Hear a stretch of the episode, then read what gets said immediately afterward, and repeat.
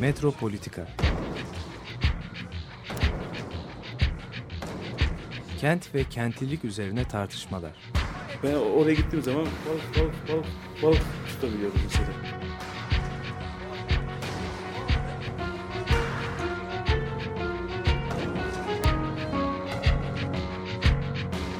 Hazırlayıp sunanlar Aysin Türkmen, Korhan Gümüş ve Murat Güvenç. Takusuyor ki. kolay kolay boşaltamadılar. Yani elektrikçiler terk etmedi Perşembe Pazarı.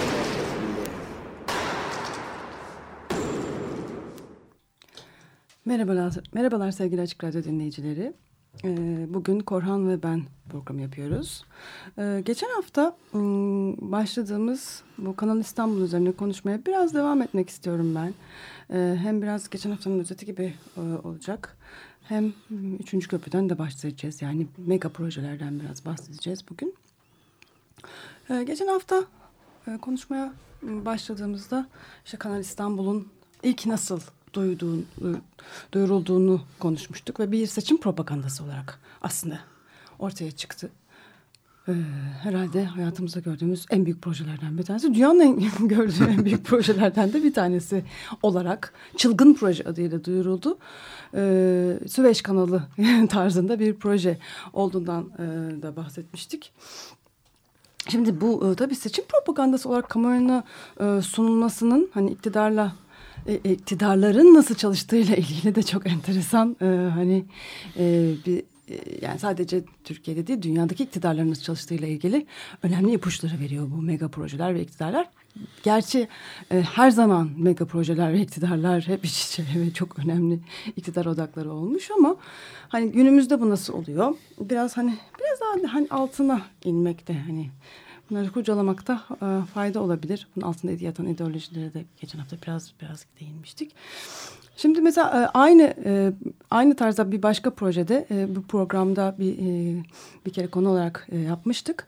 Belgrad'daki sahil projesi Waterfront Project Savak Nehri'nin kenarına kurulacak olan ve aynı şekilde o da bir seçim aslında vaadi olarak halk e, sunuluyor ve e, seçimi kazandırıyor. Ve onun arkasında da mesela Dubai yatırımcıları var. Ve ben biraz hani o kadar da kolay ki aslında araştırmak böyle projeleri. Çünkü kendilerini hani Gizli bağırıyorlar. evet. Tam tersine. Nipim'de Çılgınlar gibi bağırıyorlar. ödül alıyorlar. ödül alıyorlar. Kendilerini duyurmak için ellerinden gelen her şeyi yaptıkları için yani aslında hani o, e, dinamikleri okumak çok kolay. E, hemen hani projeyle ilgili biraz küçücük bir araştırma yaparken şeyi fark ettim ki işte mesela e, Dubai Dubai e, ile e, Prens Maktum e, işte Dubai'deki sorunlar yüzünden dünyaya açıldığı dönemlerde e, bu projeyi aslında e, mesela Belgrad'daki bu projeyi e, Desteklemiş mi? destek. Tabii Belgrad hayır o zaten o yapıyor. O mu yapıyor? hayır fikir babası. Ama Ha, ha- bakın hami sizin. Belgrad şehriniz daha Evet. dünya kapitaline açılmadı. Hamisi gibi yani böyle. Ee, biz bunu açalım e, şeklinde ve e, yani e, burada hani böyle bir söz verildiği için bakın e, hani dünya sermayesi buraya gelecek vaadiyle de zaten seçim kazanılıyor. Yani bunlar hep e, yani Ama artık burada danışıklı şey şeklinde. Maktub'un e, Prens Maktum ya da? Prens Maktum'un Evet, o- e, kardeşi anladığım kadarıyla ya da yani yakını tabii, hani gayrimenkul şeylerle uğraşıyor. evet Evet. gayrimenkul işçi, işini yapan büyük İhtisas e, alanı o. E, fakat Tabii. o yani burada şöyle bir şey aklıma takılıyor benim hep. Şimdi siyasetçiler kanalıyla biz duyuyoruz projeleri değil mi? Yani işte Kanal İstanbul projesini tamamen öyle duyduk. E, üçüncü havalimanı falan. Ben şeyi hatırlıyorum. Mesela e, NTV'de yerel seçimler öncesi bir program vardı. Beni de e, soru sormak için oraya çağırmışlardı. Yani adaylara sorular soruluyor. İşte birkaç böyle sivil toplum kuruluş temsilcisi oturuyorlar ve adaylar tek tek kendi vaatlerini anlatıyorlar ve konuşuyorlar işte. Ee, mesela o sırada çok tuhaf bir şey gördüm ben. İstanbul milletvekilleri AKP'li e, BD başkan adayının önüne bu üçüncü köprü projesini koyu verdiler. Ve ben hayatımda ilk defa gördüm. Kuzeye yapılacak bir köprü. 2003 yılıydı zannedersem. Düşünebiliyor musun? BD başkanın haberi yok. Ve ben Çünkü de dedim Ankara'da ki yani aslında daha büyük bir iktidarın Ve parçası şirket, şirketler mi? getiriyor, yatırımcılar. Bu yap işlet devlet yöntemiyle Ya mesela aslında araç yap işlet devlet mi artık o, o da tartışılır. Model biraz değişti anladığım kadarıyla yap işlet devlet. Yani Devlet kısmı 90'ların yok herhalde. Evet yap işlet. Hatta yapma. Ondan sonra daha Sadece finansmanını bul. Ee, finansmanını buluyormuş gibi gözük bile yetiyor olabilir aslında. Yani hakikaten o modellerdeki değişimleri falan da uzun en uzun önemli değişimi e, şey e, Recep Tayyip Erdoğan açıkladı bu üçüncü köprü şeyinde projesinde. Geçmişte dedi doğrudan yabancı şirketler karşımıza çıkıyordu. Şimdi araya biz bir tane şey koyuyoruz dedi. Arayüz oluşturacak bir yerli patron koyuyoruz. Onları taşeron olarak kullanıyoruz dedi. Çünkü bu şeyin e, merkezi yönetimin bu projeler üzerindeki şeyini değerlendirebilmek için bir tane yerli şirket yani kendi siyasi şeylerine, angajmanlarına uyan bir şirketi kullanıyorlar. Ondan sonra da işte bu kimse teknolojiyi getiren, köprü ayaklarını yapan, o Finansmanı asma getirecek olan. Fiz- ha, fina, en, Ha, en önemlisi. önemlisi finansman. Finansmanı getirecek. Her şey bu. zaten orada düğümleniyor. Yani Tabii, yapılabilir olmasını sağlayan o. Yapılmasının sebebi e, binalar e, hani kalkınma idealleri falan falan değil. değil, evet. E, bunların hepsi ideolojik. Binalar da ideolojik. Hayır, üzerinden merkezi yönetim önemli bir pay alıyor. Bir taraftan da bunu hizmet gibi tanıtıyor. Yani bir şey varsa ki iki yönü çalışıyorsa hem bir taraftan halkın onayını alıyorsa ve halka bunun iyi bir şey olduğunu gösteriyorsa hem de bundan aynı zamanda halk bir bakıma zarar görüyorsa onun elindeki kaynak alınmış oluyorsa aslında burada bir tuhaf bir yani çok ciddi bir çarpıtma var demektir. Ama bu çarpıtma gerçekten 200 yıldır olan bir çarpıtma. Biraz onu anlatmak istiyorum. Eşitsizlik var burada bir e, eşitsizliğin ötesinde Haber, çok ciddi bir iletişim. hegemonik bir e, hani durum var yani. İktidarlar nasıl e, bu e, yaptıkları hani şu düzeni nasıl kabul ettirebiliyorlar yani hakikaten e, hani e, tam yani sorgulamayı bırakın kabul etmeyi bırakın neredeyse aman çılgın proje olmazsa yaşayamayacağız hissini e, bir şekilde bu kadar rahat e, benimseyebil, benimsetebilmek nasıl oluyor? Aslında biraz buraları da düşünmek lazım. Geçen hafta tam burada kalmıştık Buraya aslında. değinmiştik evet yani yereli disiplin altına alabilmesi için merkeziyetçi iktidarın e, böyle projelere ihtiyacı var. Çünkü bunu yapmadığı takdirde iktidarda kalamıyor. Evet yani ama zaten hani bizim işte 12 sene oldu. Ee, Adalet ve Kalkınma Partisi zaten hani adı içinde zaten bu ideolojinin bu hegemonik e, becerinin e, bütün şeyi ipucu var zaten hani bir adalet ikincisi kalkınma şimdi hani adalet kısmını başka bir programda tartışacağız ama yani bu kalkınma denilen şey e, hakikaten Birazdan anlat- anlatacağım hani e, dört sac ayağı olan e, sistemin dünyadaki bu yatırım, büyük yatırımlar ve güzel şehirlerimizi büyük şehir yapalım ideallerinin tam altında olan e, ideoloji. Yani kalkınmazsak ve hani dünyanın bir parçası olarak kalkınmazsak, dünyanın bir parçası haline gelmezsek var olamayacağız. Hani bu ideolojinin bu kadar net aslında herkes tarafından hiç sorgulanmaksızın kabul edilmiş olması. Yani bu hani hakikaten aslında modernitenin e, kendi içinde yarattığı en büyük e, canavar.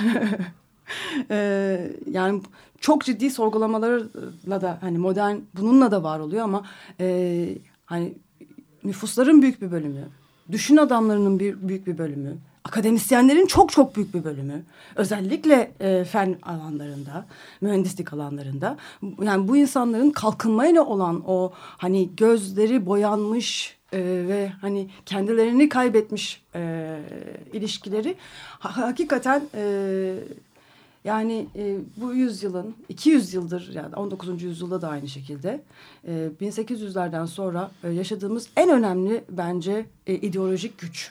Peki- hani hala daha da düşünsene. Peki ne oldu o yani zaman? Türkiye gibi yani sadece Türkiye'de de düşünmeyelim. 68'deki şey ne oldu Pardon. peki? e, sadece Türkiye'de düşünmeyelim. Dünyada da düşünürsek yani Türkiye gibi bir, e, bir hani ekonomik güç olarak düşünürsek hani son o, e, iki seneyi saymazsak on senelik hani Bre- Brezilya hani Türkiye gibi o, o partinin adında kalkınma var yani.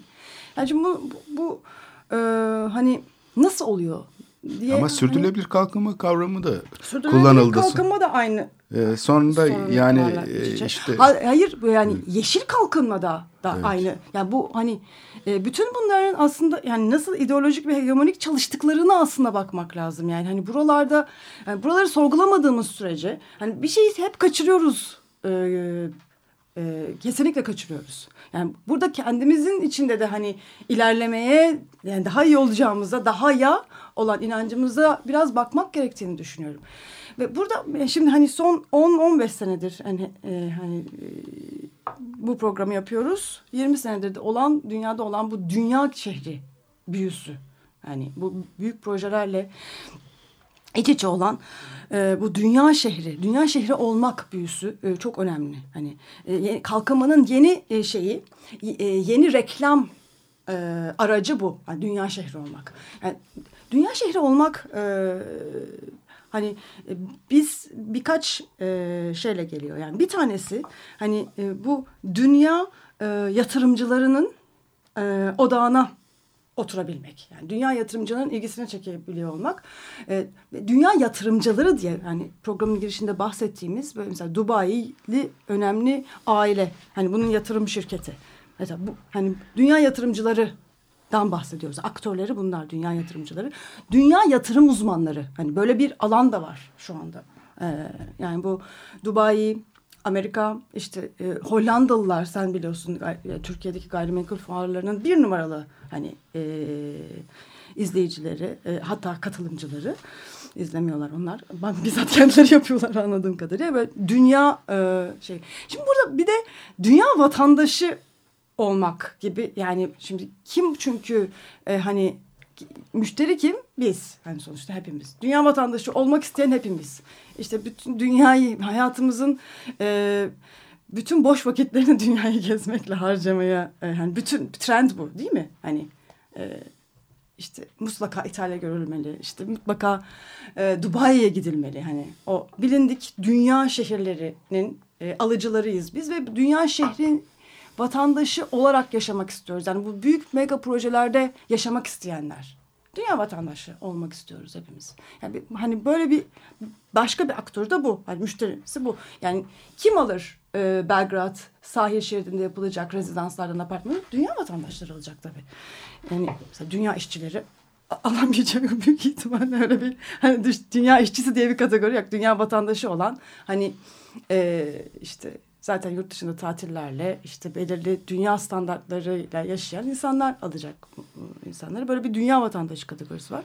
E şimdi burada önemli bir şimdi bu, bu bütün bu e, hani e, doğru politikaları, doğru yaşam biçimlerini, doğru kalkınma stratejilerini çizen bir e, bilgi üretim merkezinin de olması lazım. Bu çok önemli yani. Bugün dünyada hiçbir şey hani kendini meşru kılmadan var olamaz.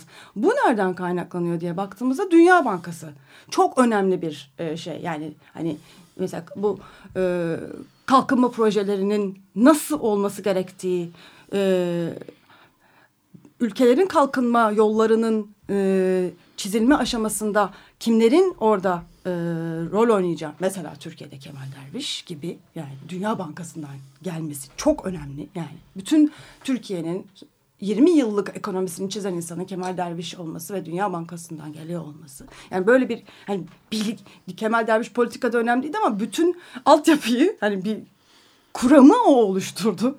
Ve üstüne üstlük mesela Dünya Bankası raporlarında oluş, oluşturulan bilgiler, bu raporların ne kadar güçlü olduğu, üniversitelerde okutuluyor olması, hatta bu raporların doğru düzgün hazırlanmadığına dair bir sürü tez olmasına rağmen e, bilimsel bir veri olarak okutuluyor olması. Bütün bunlar aslında nasıl hani ideolojik bir bilgi üretim e, şey olduğunu da e, gösteriyor. Evet. Burada tabii Dünya Bankası'ndan e, işte e, kredi alan kim? Tabii dünya e, ulus devleti artık biraz farklı şekilde algılayan dünya devletleri.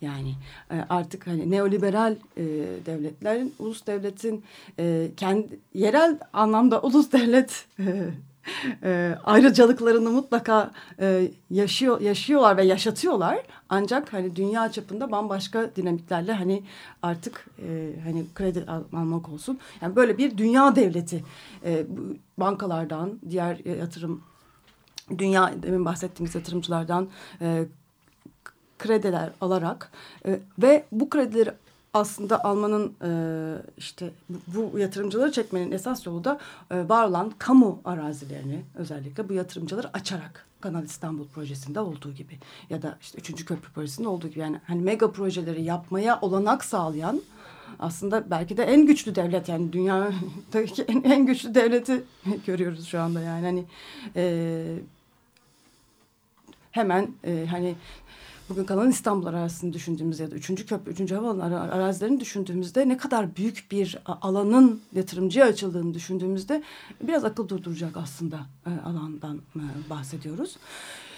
Bu e, dünya projesi, dünya kenti, dünya vatandaşı, dünya devletinin en önemli e, e, e, ayaklarından bir tanesi de spectacle e, olduğunu, görkem, ihtişam e, üzerinden yürüyen bir söylem olduğunu düşünüyorum.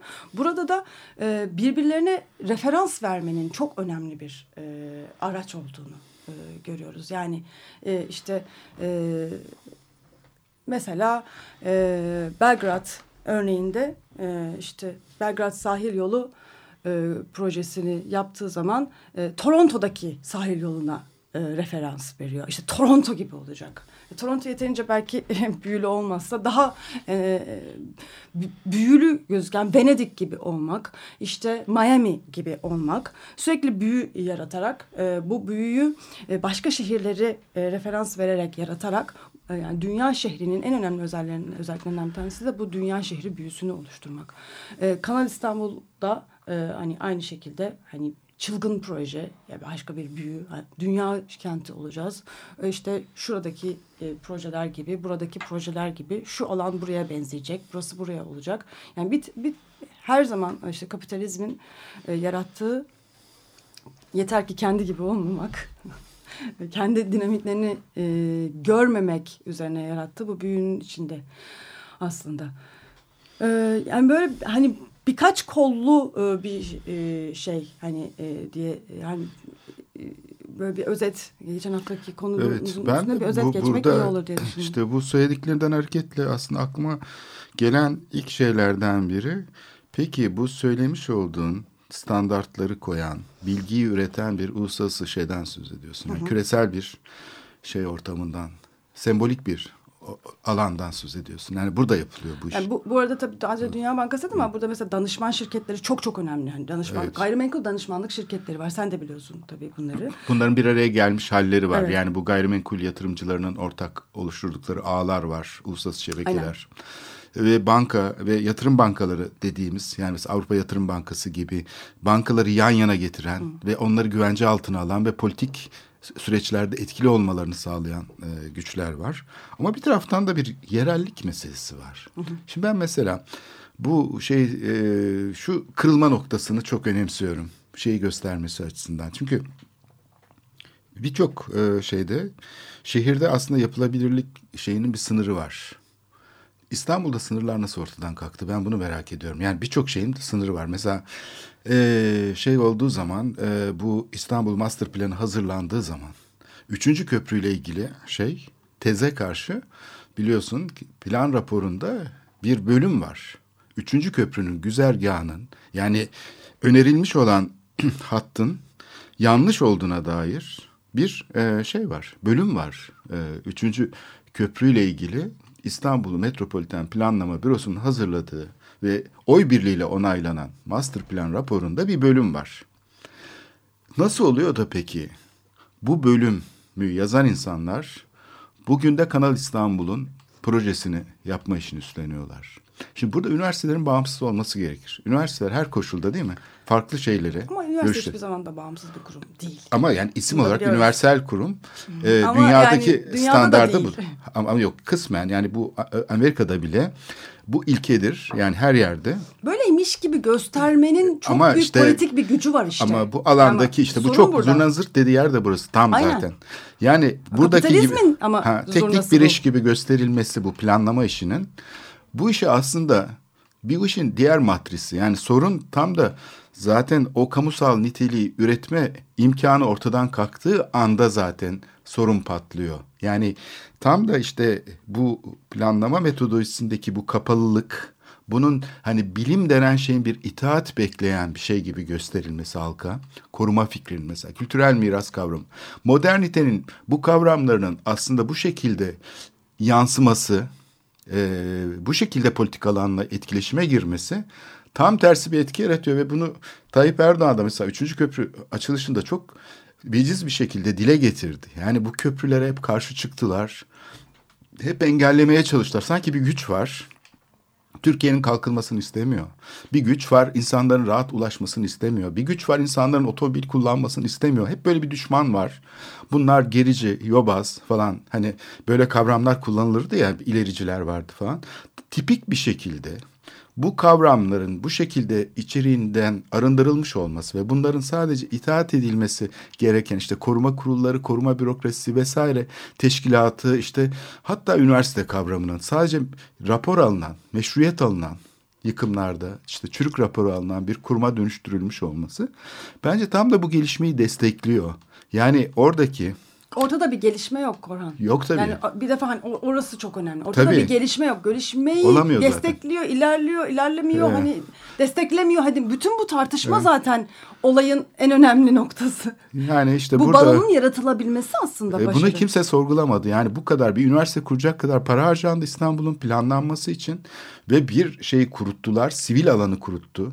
Tekelci bir mekanizmayla herkesi bir şirketin altında toplayıp bütün araştırma, bütün e, planlama hizmetlerini sanki bir şirket ihaleyle yapabilirmiş gibi gösterilerek aslında o kaynağı tamamen bağımlı bir ilişki içinde kurutan bu zihniyeti aslında bugünkü e, bu teslim oluşun tam da önünü açtı. Onu engellemek şöyle dursun. Ve bunu kimse söylemiyor. Asıl problem de burada. Çünkü hala karşıymış gibi gözüküyor. Yani sanki o planlama bürosunda çalışan insanlar solcu ve duyarlı insanlardı. Onlar karşı çıktılar ama ne yazık ki başarılı olamadılar. Bu şekilde anlaşılıyor mesele. Oysa ki tam da o kapatma sayesinde popülist e, otoriter rejimin önü açıldı. Yani burada bir ciddi bir işbirliği var. Bu iki iki yüzlü bir olay. Yani tek yüzlü bir olay değil. Bunu ne yazık ki e, hala e, tam e, telaffuz etmekte zorlanıyoruz çünkü bu alanda işler karışıyor Türkiye'de. Yani muhalefetle aslında iktidara alan açan, e, bu alanı kapatan, e, bu şeyin e, sorgulanması. Mesela şimdi bu hafta önümüze gelen konular. Bir tanesi Atatürk Kültür Merkezi. Atatürk Kültür Merkezi tam da böyle oldu. Atatürk Kültür Merkezi'nde aslında burayı bir şey tapınak olarak gördüğü için yıkmak istedi iktidar değil mi? Bunu biliyoruz. Yarışma yapalım, şunu yapalım. Fakat direndi insanlar. Direndiler ve farklı bir çalışma kapasitesi oluşturdular. Fakat gene orayı bir tapınak gibi kabul eden bir mahkeme kararıyla bu engellendi. Burası evet bir tapınaktır. Yani burası şeyin bir tapınağıdır. Modernleşmenin işte şeyin e, tapınağıdır. Bu çok riskli bir şey. Yani herkes aslında aynı t- şey üzerinde uzlaşıyor demektir. Çünkü o zaman düşünmeye, konuşmaya imkan kalmıyor. Kamusal nitelik ortadan kalkıyor.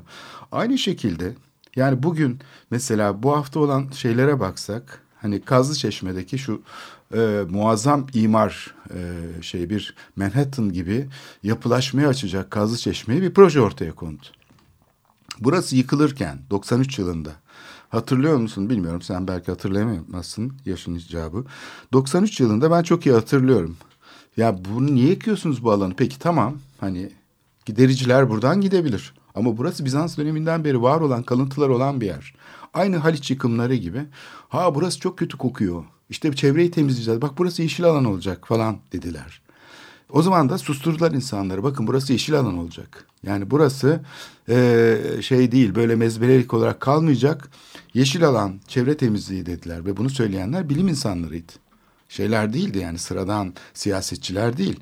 Belediye başkanının hemen yanındaki bürokrasi, tanınmış e, şeyler, Türkiye'nin uzmanları. Buradan 350 iş yeri taşınırken aynı zamanda da bir kazıma yapıldı. Bu kazımanın sonucunda ortaya çık bir yeşil alan çıktı. Ve o yüzden de insanlar susmak zorunda kaldı. Ne güzel hiç olmazsa yeşil alan oldu. Bugün ne yapılıyor? Bu yeşil alan diye yani tam bir algı operasyonu bu. Şimdi burada inanılmaz bir e, şey projesi var ve emek sinemasını yıkan müteahhitin Ee, aynı müteahhit böyle zor işler için herhalde tercih edilen bir e, kişiye benziyor. Şu buraya bir e, şey yapıyor. Yoğun bir yerleşim e, projesi. Ve bunu da yeni bir şehircilik projesi diye tanıtıyor Halkla İlişkiler Şirketi. Narmanlı'da, Emek'te ve Kazlıçeşme'deki bu operasyonu yürüten aynı PR şirketi. Türkiye'nin en büyük PR şirketlerinden biri. Ve tam da tersine çeviriyor. Yani sanki burada bir şehircilik şeyi varmış gibi, başarısı varmış gibi. Yani belki bir mizah konusu olabilir. Çünkü oraya sadece bloklar son derece niteliksiz, e, şeysiz yapılmış, böyle hiç düşünülmeden yapılmış blokları getirmişler. Kazlıçeşme bir anda bir beton ormanına dönüyor ve bunu yeni bir şehircilik akımı diyebilecek kadar pervasızlar. Asıl ilginç olan bu. Yani böyle bir basın bülteni geldi dün ve ben şaşırdım. Yani nasıl olabilir de bunu söyleyebilirler? Bu yeni bir şehircilik akımıymış. Yenilikçi bir deneyimmiş falan. E, fotoğrafa bakıyorsun. Yani şeyde yapılan son dönem TOKİ konutlarına hiçbir farkı yok.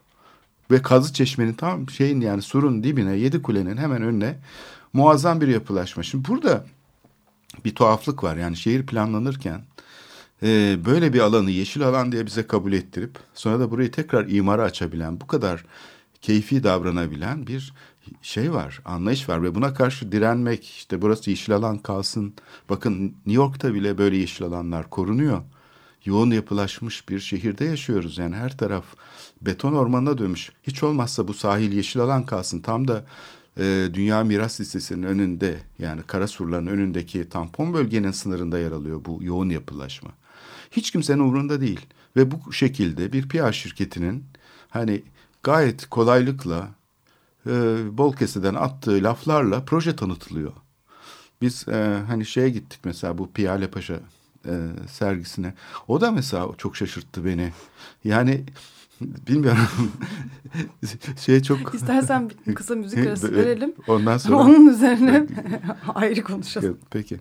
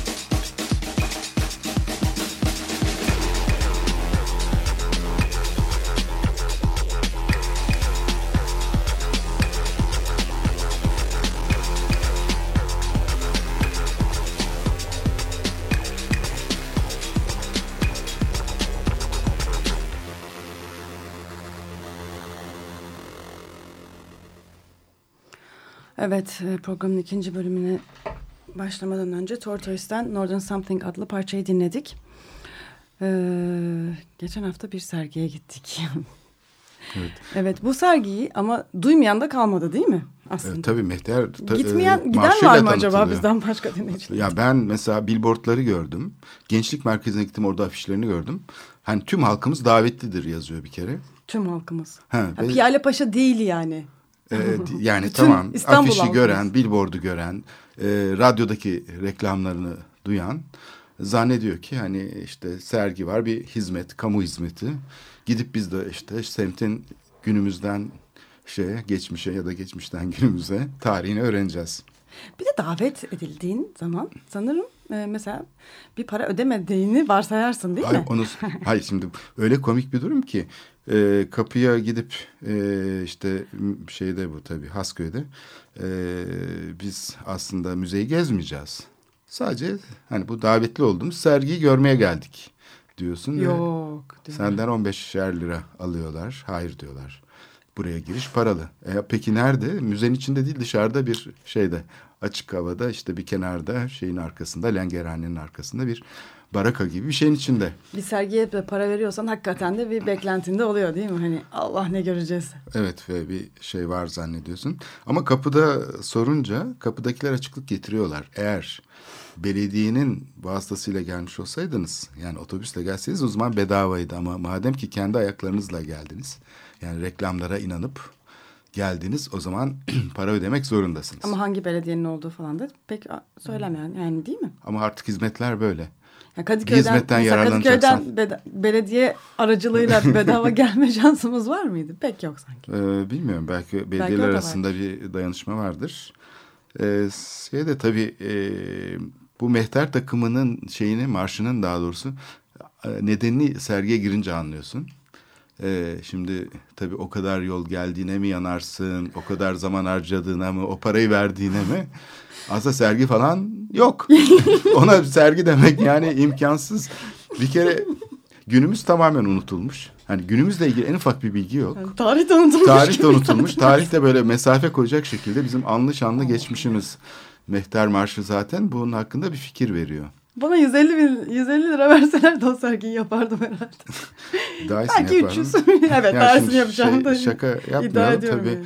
Bu tabii bir şey e, yani büyük bir felaket. Yani e, böyle bir şeye yani bir imar e, şeyine bir gayrimenkul yatırımının şeyi olarak yan ürünü olarak bir sergi yapılmış olması ve bunun aslında bunu meşrulaştırmak için kullanılması aynı Kazlı Çeşme'deki PR şirketinin yaptığı gibi. Yani aslında nasıl şey yapıldığını yani bu asimetrinin halkla proje çıkar grupları arasındaki asimetrinin nasıl oluştuğu hakkında çok ciddi bir fikir veriyor. İşte bu yerel alanı yağmaya açan, işgale açan tam da bu e, şeysizlik, ilkesizlik mi diyelim ya da bu alanın bu şekilde araçsallaştırılması. Herkes çıkarları için bütün şeyler, fikir üreten, düşünce üreten insanların kolayca satın alınabilir olması. Asıl mesele burada. Böylece yani Dünya vatandaşı oluyoruz. Evet, mimarlar, işte. şehir plancıları, programın tarihçiler, reklamcılar. Şey zaman yani dünyanın Evet. kapitalist dinamiklerinin bir parçası ol- olduğumuzu hissediyoruz. O sergiyi düzenlediğimiz zaman da. O serginin bir parçası İş olduğumuz yapma zaman da. fırsatları böyle Tabii. ortaya çıkıyor. Ama böyle. E, o reklam e, yani ciddi bir reklam bütçesi var. Ciddi bir reklam. serginin herhalde 10 misli falan bir reklam bütçesi on, var. on değil. Belki daha fazla. Çok çok daha fazla. Evet, çünkü sergi çok küçük Binlerce bir sergi. misli. Şöyle bir girip çıkıveriyorsun zaten küçücük bir şey. Ama reklamlarda sanki yani böyle Topkapı Sarayı'nda bir şey yapılıyor falan gibi. Muazzam bir e, şey var. Reklam e, bütçesi var. Ama yani şaşırtıcı olan şey şu. Yani bu kadar aleni olabilir mi?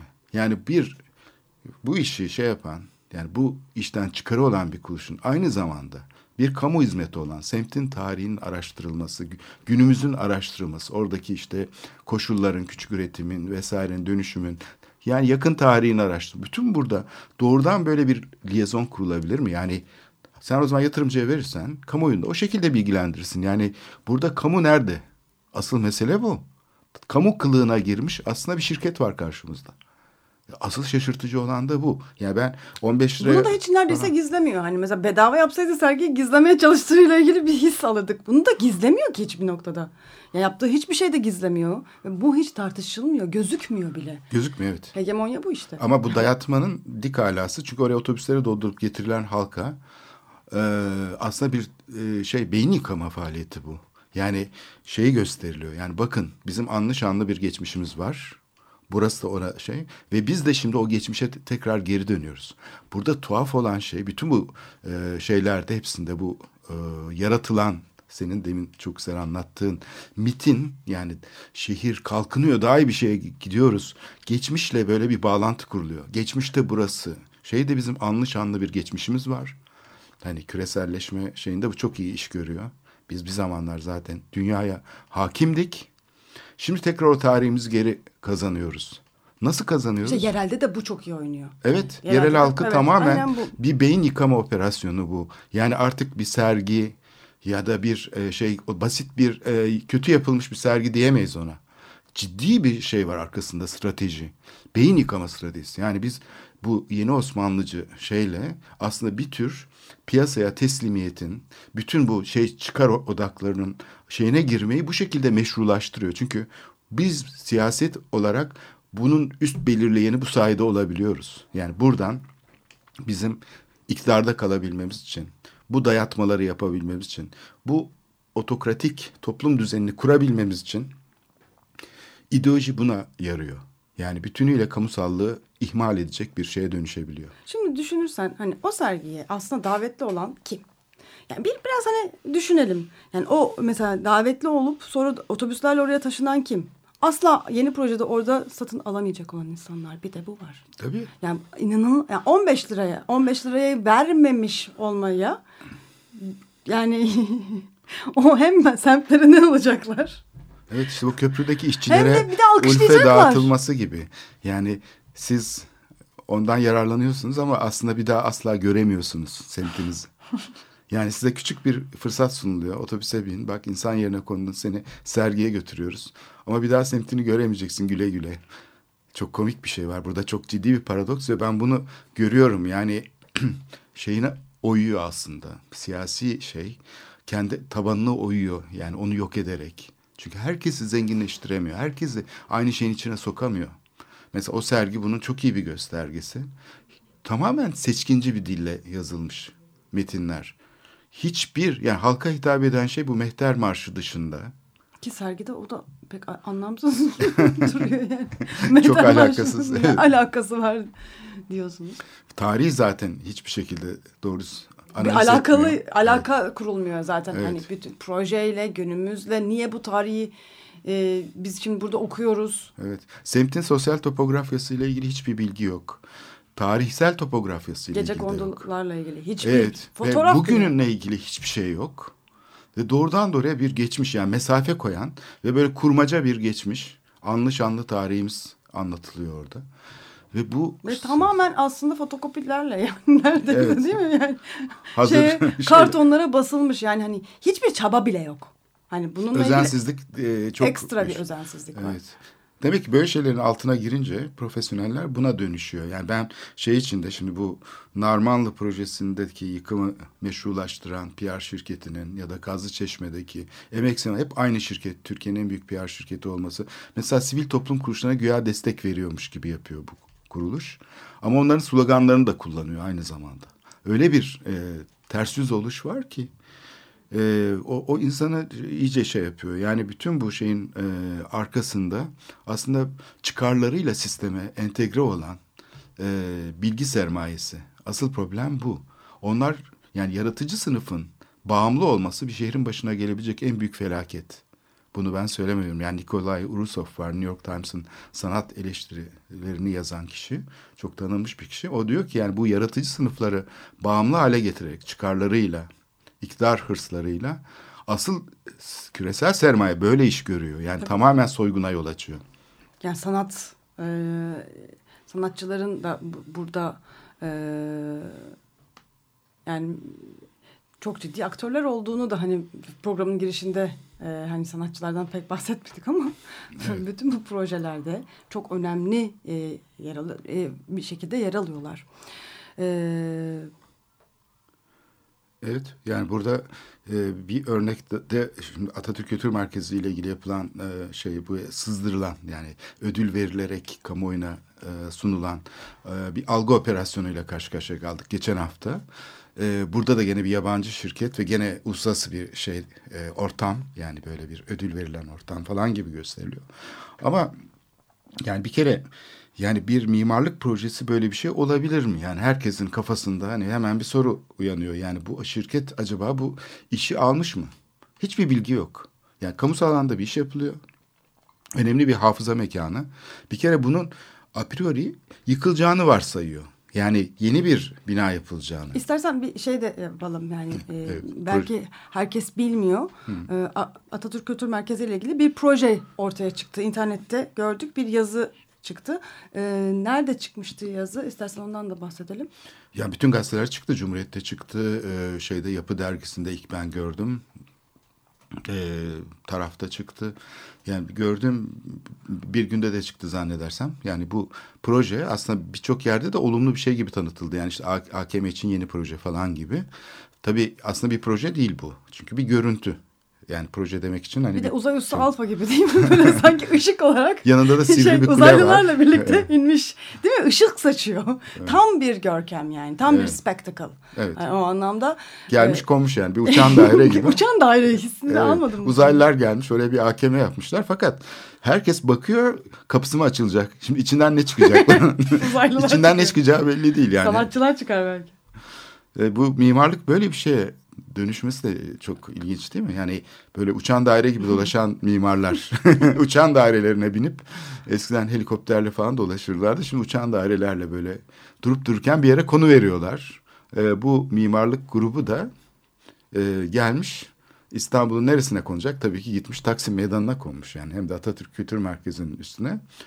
Ee, tabii çok e, şey oldu, e, mizah dolu bir e, şey yaşandı arkasından. Hiçbir cevap yok. Yani niye yapmışlar, niye uğraşmışlar, niye kalkışmışlar böyle bir şey. Ya tamam herkes hayal kurabilir mesela. Bunda ya da hiçbir- karikatür de yapabilir Yani herkes. bu ayıp bir şey değil. Ya biz hayal kurduk ve burası için aklımıza bu geldi deseler mesela o zaman herkes yani anlar meseleyi. Yani diyebilir ki tabii yani siz de bu hayali kurdunuz. Ama bir, orada bir şey var. Hayalle gerçeğin karıştığı bir an var. Sanki yapılacakmış gibi bir taraftan da insanlar bunun arkasında bir şey bekliyor tamam mı? Belki de gittiler. Yöneticilere bunu gösterdiler en tepedekine. Ve o da dedi ki yapın. Yani geziye yapılan kışla öyle olmadı mı? Yani bu bir hayal olabilirdi.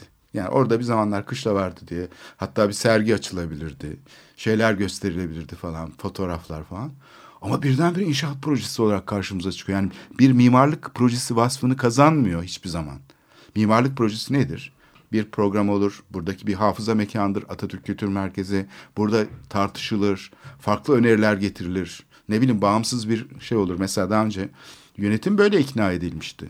Yıkalım, istediğiniz gibi yarışma mı istiyorsanız yaparız dedi yönetim, yöneticiler. Doğrudan doğruya başbakan yardımcısıydı bunu söyleyen kişi. Ya biz de dedik ki yani sivil girişim olarak peki dedik yıkmak da dahil her şey konuşulabilir. Konuşulmayacak hiçbir konu yoktur. Ama kendimizden emindik çünkü öyle bir şey harekete geçti ki gönüllü olarak uzmanlar yani sadece basitçe bir tartışma değil yaparsın yapamazsın tozuna dokunamazsın yıkar yıkarım yıkamazsın tartışması değil. Bir arayüz oluşturmak her şeyden daha önemli. Konuşalım demek çok daha radikal bir şey. Onun üzerine çalışıldı yapının enerji etkin hale getirilmesi için Atatürk Kültür Merkezi'nin muazzam bir emek harcandı. Elektromekanik sistemlerin incelenmesi için o Avusturya'daki firma geldi. İşte bunlar hep tabanlı onun e, gönüllü çalışmalarıyla oldu aslında o proje yönetimini yapan. Ama 500 tane de gönüllü insan katkıda bulundu bu işe. O şeylerin tozlu şeylerin içine girildi. Sahne sistemleri incelendi. Hangi parçalar çalışıyor? Sa- Salonun bütününün e, yapısal özellikleri incelendi akustiğiyle ve sahne şeyiyle, düzeniyle ve dünyadaki en iyi sahne düzenlerinden biri olduğuna e, kanaat getirildi bu araştırmalarla. Elektro, elek- elektronik sistemlerle çok ciddi yenileme yapıldı projede ve her bir mühendislik çalışması sadece mimarlık değil çok başarılı bir şekilde bir müelliflik eserine dönüştü. Diyebilirim ki bir kamu yapısı için gerçekleştirilebilecek en iyi güncelleme restorasyon projesiydi. Ve o iddia edildiği gibi mahkeme kararında söylendiği gibi ne restoran vardı üstünde ne başka bir şey. Tamamen yani kamuoyu burada yanlış bilgilendirildi. Çünkü mahkeme de bilmiyordu aslında kararı verirken. Ne olduğunu projeyi izlememişti ki bizim gibi senelerce emek vermedi ki öyle bir projeye. O gönüllüler gibi kimse çalışmadı ki. Sadece bir şey için işte bir bilirkişi raporuna dayanarak çok eskiden yapılmış ve kuruldan geçmiş bir projeyi durdurarak aslında süreci iptal ettirdiler. Ve bu hala Atatürk Kültür Merkezi'nde ne olduğunu kimse bilmiyor. Çünkü hep karşıtlık rejimi içinde tartışılıyor. İşte yaparsın yapamazsın. Oysa ki arada bir şey var ve insanlar bunun için çaba gösterdiler, ter döktüler senelerce ve bütün bu emekler çöpe gitti. Niye? Çünkü hep bu şekilde imha ediliyor. Yani burada Atatürk Kültür Merkezi bence bir vaka olarak çok iyi araştırılmalı, incelenmeli. Şu anda karanlıkta kalmış bir süreç bu.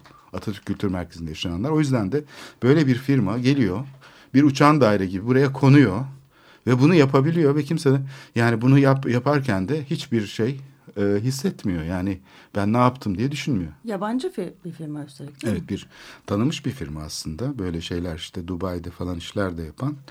Ama yani mimarlığın böyle bir şey haline gelmiş olması uçan daire mimarlığı bu biraz e, şey yaratıyor. Yani en azından bir soru işareti yaratması gerekiyor. Çünkü mimarlık bu kadar şeyden bağımsız mıdır? Yani yerellikten, hafızadan, oradaki siyasi problemi anlamaktan. Orası Cumhuriyet rejiminin çok önemli bir şey hattı. Fay hattı yani Atatürk Kültür Merkezi. Orada geçiyor bu çarpışma. Elitler arasında yani yeni Osmanlıcıyla modernist elitin tam çarpıştığı nokta ve bu çatışmayı biz devam mı ettireceğiz yoksa bizi tüketen bu çatışma yerine başka bir şeye yol açabilecek mi yani bu şeyden çıkarıp ders çıkarabilecek miyiz mesela bunu sorgulamadan mimarlık nasıl yapılabiliyor ben çok merak ediyorum. Ee, acaba zaten o yabancı mimarlar herhalde kendi başlarına konmadılar diye düşünüyoruz. İşte herkes ondan Yani şüpheleniyor evet. Kendi tabii ki kendi başlarına konmadılar. Yani gene arada e, bu e, elleri e, e, kollarının altında projeyle dolaşan e, değişik tarzda e, Evet. yatırımları gelmiş işte aracılar e, Evet. Aslında tabii ki bu konuların her birini böyle bir programda işleyebiliriz. Mesela şimdi Bienal, Venedik Bienali 15.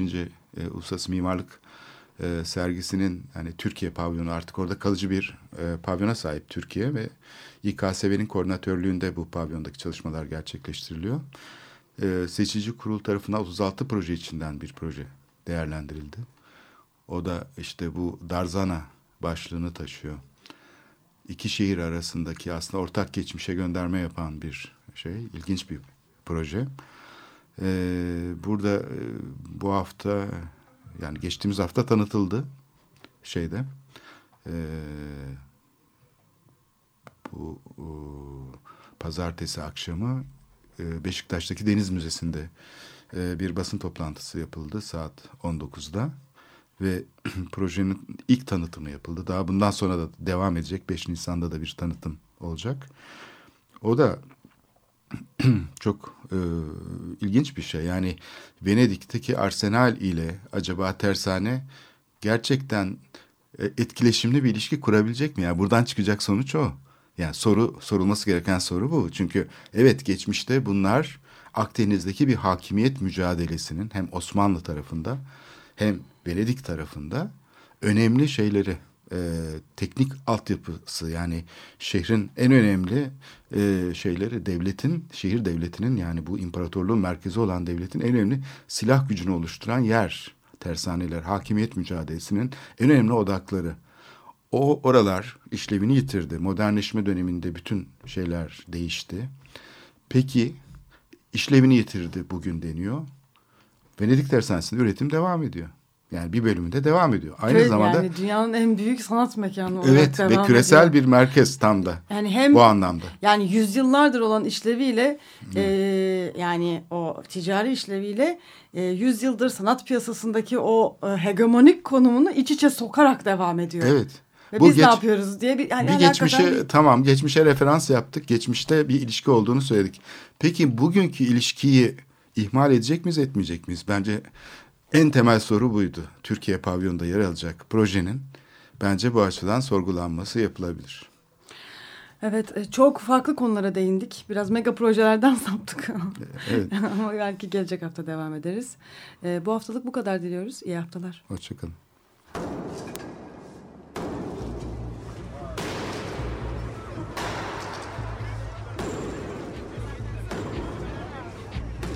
Metropolitika kent ve kentlilik üzerine tartışmalar. Ben oraya gittiğim zaman balık balık balık balık tutabiliyorum mesela.